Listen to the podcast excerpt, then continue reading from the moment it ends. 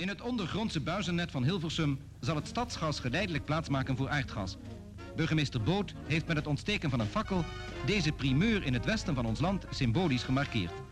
Binnen een jaar hoopt men alle wijken op aardgas te hebben aangesloten, dat in zulke geweldige hoeveelheden in onze bodem aanwezig is. De gasfabriek is al gesloopt. En deze dagen heeft men de laatste toren opgeblazen. De val van deze eens zo trotse toren luidt een nieuw tijdperk in.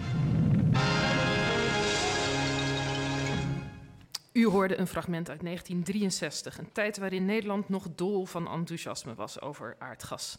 Pas veel later zouden we leren dat dat aardgas ons niet alleen welvaart en warmte bracht, maar ook ellende en aardbevingen. En in het boek Gas, dat deze week verscheen, wordt de turbulente geschiedenis van deze Nederlandse bodemschat verteld. En de schrijver van het boek, Emiel Hakkenes, die zit aan tafel. Goedemorgen. Goedemorgen. Uh, je hebt een bijzondere vorm gekozen om de geschiedenis van, van aardgas te vertellen. Namelijk 19 mensen geportretteerd die op verschillende manieren met die geschiedenis te maken hebben. Waarom die vorm? Nou, in de eerste plaats omdat uh, aardgas nogal een abstract begrip is natuurlijk. En het is uh, bovendien onzichtbaar. je kunt het ook niet vastpakken. Dus als onderwerp voor een boek is dat natuurlijk wel een beetje lastig. bovendien dacht ik, als ik nou uh, voor iedere episode uit de geschiedenis van dat aardgas één persoon kies, dan wordt het daarmee een stuk invoelbaarder voor de lezer om uh, mee te maken uh, wat hier precies aan de hand is. Ja, en, en dat gaan we, wij gaan er nu ook een paar weer uitlichten, een kleine selectie van die 19, om, om die verschillende momenten een beetje vat op te krijgen. En de eerste is Jan Koster. Wie was hij en wat is zijn verhaal? Ja, het boek begint ook met Jan Koster. Jan Koster was een uh, mijnbouwkundig ingenieur. Eigenlijk een pionier op dit gebied in Nederland, omdat Nederland helemaal geen mijnbouwtraditie heeft. Uh, uh, wij, wij heten arm te zijn aan delfstoffen. En behalve dan in Indië. Dus Koster die werd opgeleid in Delft tot ingenieur. En dan was eigenlijk het gebaande pad dat je naar Indië zou gaan om daar voor de koninklijke olie te gaan werken. Uh, maar hij begon voor zichzelf. En uh, hij liet zich uh, op een bepaald moment inhuren door de Nederlandse staat, omdat er in Duitsland kolen werden gevonden. En Koster die maakte zich een beetje zorgen dat die Duitsers ook hun oogjes zouden laten vallen op de kolen die net aan de Nederlandse kant van de grens in de grond zaten, in Limburg. Want ja, als ze daar in Duitsland kolen zitten, waarom zouden die dan niet hier zitten? Dus hij liet zich inhuren door de staat met zijn eigen bedrijfje om te gaan boren in de grond. En op een zeker moment, in 1923, stuitte hij tijdens het boren uh, in de achterhoek per ongeluk op aardgas. Hij is misschien dus een van de eerste die, ja, die, die aardgas hier in Nederland vond. Hij is de allereerste die hier in Nederland aardgas in de grond vond. En geloofde hij er meteen in? Dacht hij, dit heeft potentieel? Hij geloofde er wel in, omdat hij ook bekend was met verhalen uh, uit de Verenigde Staten over de mogelijkheden van aardgas. Dus hij vroeg ook uh, om een vergunning om dat aardgas te mogen gaan winnen. Maar die vergunning kreeg hij niet, omdat die voorwaarde daarvoor was dat hij zou aantonen dat het ging om een winbare hoeveelheid. Hmm. En het bleef bij deze ene toevalstreffer. Dus hij kreeg geen vergunning om het aardgas uit de bodem te gaan halen. Dus Jan was een pionier. En wanneer ging Nederland om? Wanneer ging de rest van Nederland erin geloven en dachten we, we hebben het? Nou, dat, dat, hangt eigenlijk weer vast aan één persoon die als eerste inziet van ik kan er wel iets mee. Want uh, Nederland zocht in zijn bodem naar kolen en naar olie. En af en toe werd er dan per ongeluk aardgas aangeboord. Aardgas is een bijproduct van aardolie. En er was een eigenaar van een gasfabriek in Koevoorde, Thijssen heette die. Die dacht, ja, uh, dat aardgas, dat is eigenlijk veel schoner dan dat kolengas. Kijk, als wij huizen verwarmden met gas, dan werden daarvoor eerst kolen verbrand, zodat er een soort gas vrij kwam. En dat werd dan verspreid naar alle huizen. Maar die kolen, dat is ontzettend smerig. Dat is een heel smerig procedé om dat te gaan verbranden. Dus die Thijssen die dacht, ja, er is hier bij mij in de buurt in Drenthe ook bij toeval aardgas aange, aangeboord. Kan ik niet misschien uh, dat gas uh, zelf krijgen? Dat ik dat via mijn gasfabriekje verspreid naar de huizen hier in Koevoorde. Dus het, het, idee is dus van, nou, dat gas dat gaat dan linea recta uh, die verwarming in, et cetera. En dan hoef je die kolen helemaal niet te gebruiken. Dus het, het, is veel simpeler. In veel simpeler en schoner ja. ook. Dus we hoorden het net uh, over Hilversum in 1963. Maar in 1951 kookte de stad Koevoorde al op aardgas. Ja. we gaan even een sprongetje maken. Voordat we allemaal, alle, alle avonturiers met het gas behandelen. Want dat is natuurlijk spannend. Maar laten we even een sprongetje maken. In 1959 gebeurt er iets opmerkelijks. Dan wordt die beroemde vondst, waar we allemaal op de lagere school nog over leren, in Slochteren gedaan, het, aardgasveld. De overheid houdt dat gek genoeg een beetje onder de pet. Het volk weet het toch niet. En dan komt er een Belgisch politicus die met allerlei uh, gekmakende cijfers komt over aantallen, uh, hoeveelheid gas in de bodem. Is, is het eigenlijk bekend waarom de overheid, onze overheid dat een beetje geheim wilde houden? Ja, dat zijn, dat is wel, daar zijn verschillende redenen voor. Um, in de eerste plaats uh, zat de staat behoorlijk in de maag met, die, uh, met dat aardgas. Ze hadden namelijk een afspraak gemaakt met de NAM, uh, de aardoliemaatschappij. Die kreeg toestemming om te gaan zoeken naar delfstoffen in de Nederlandse bodem. Op voorwaarde dat als ze iets zouden vinden, dat de staat het dan zou kopen. En toen werd er per ongeluk een ongelofelijke hoeveelheid aardgas gevonden. Wat, wat de staat verplicht was om te kopen. Alleen niemand, of bijna niemand, kon daar iets mee. Want wij waren nog een, uh, ingericht op het gebruik van kolen om ons huis te verwarmen. En misschien gas van plaatselijke gasfabriekjes om op te koken. Maar aardgas, de infrastructuur, was, de was infrastructuur er was er Nee. niet voor, de markt was er niet voor. En um, bovendien dacht uh, minister De Paus uh, van Economische Zaken... ja, als ik nou uh, zeg dat er ontzettend veel aardgas in onze bodem zit... en uit nader onderzoek blijkt dat het toch iets minder is, dan leid ik hier gezichtsverlies. En dat kan ik me niet permitteren. Dus om, om die redenen uh, hield Nederland dat een beetje stil. Um, totdat er dus een Belg opstond, die uh, uh, in het Europees Parlement in Straatsburg, dat is deze week 60 jaar geleden, het was in oktober 1960, opeens zei: luister mensen, in Nederland is een ongelofelijke hoeveelheid aardgas gevonden. En eigenlijk uh, moet dat de hele Europese gemeenschap ten goede komen.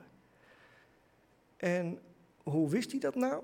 Dat is een groot raadsel, maar het vermoeden bestaat dat hij dat uh, gehoord heeft, omdat België bij Nederland geïnformeerd heeft van ja, dat, jullie, jullie schijnen aardgas te hebben, kunnen wij dat ook krijgen? En toen is aan België laten doorschemeren dat het makkelijk kon en uh, dat er gas genoeg was om, om ook andere landen uh, maar is het te dan, voorzien. Is het dan zo dat wij aan een Belg te danken hebben dat onze overheid werk is gaan maken van het gas? We hebben aan een Belg te danken dat anderhalf jaar na dato bekend was dat Nederland het grootste aardgasveld ter wereld onder zijn bodem bleek te hebben. Maar hoe ging dat dan op zo'n moment? Want het is een, een, een vo volledig onbekende Belgische politicus, die roept opeens ergens iets in Straatsburg. Is, is er dan goudkorts hier in Nederland? Denken, denken ze, nou, dat is die, die, ja. wie is die man? Vertrouwen we het wel? Ja. Is er verwarring? Wat gebeurt ja. er? Nou, Nederland was in rep en roer natuurlijk. Want uh, er was een verslaggever van het ANP, die zat bij die vergadering in Straatsburg. En die rekende eventjes na. Goh, uh, die hoeveelheid gas die volgens die Belg in Nederlandse bodem zit, hoeveel is dat eigenlijk? En die kwam tot de conclusie dat als je dat omrekende naar het meest bekende gebruik, dat Nederland daarmee 600 jaar vooruit zou kunnen. Ja, toen, toen dat doordrong, uh, toen werden de journalisten ook wakker. Dus er gingen journalisten naar uh, Slochteren toe, waar het gas dus was gevonden, om daar te horen van bijvoorbeeld de, de aardoliemaatschappij, van hoe zit dat. En er gingen journalisten naar uh, de Belg toe, Leemans, in zijn huis in Antwerpen, om hem eens even aan de tand te voelen van, ja, hoe kom je daarbij en hoe weet je dat?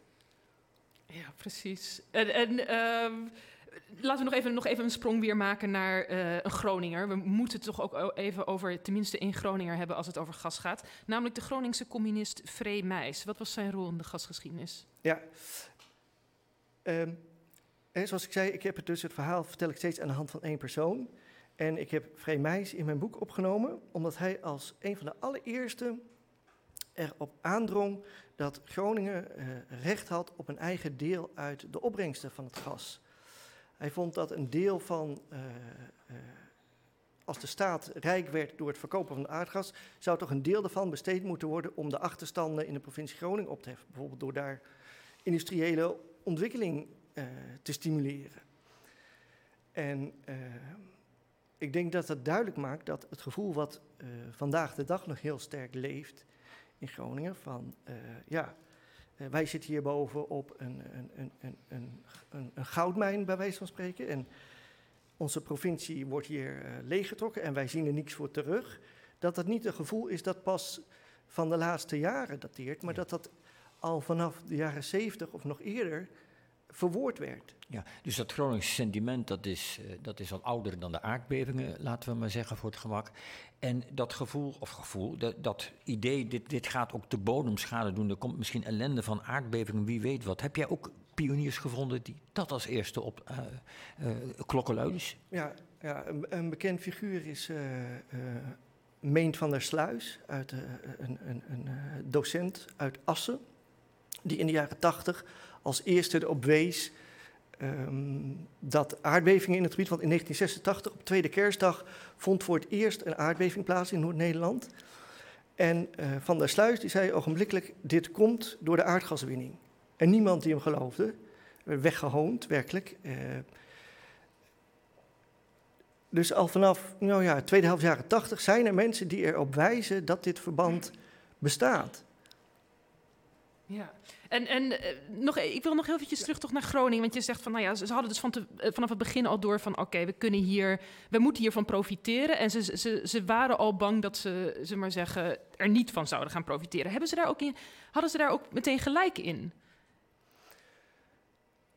Je bedoelt qua, qua delen in de opbrengst? Ja, is daarover nagedacht? Is daarover nagedacht van, goh, we geven een substantieel groter gedeelte aan, aan Groningen? Of is dat, uh, nee, is dat nou, nooit uh, zo in de planning geweest?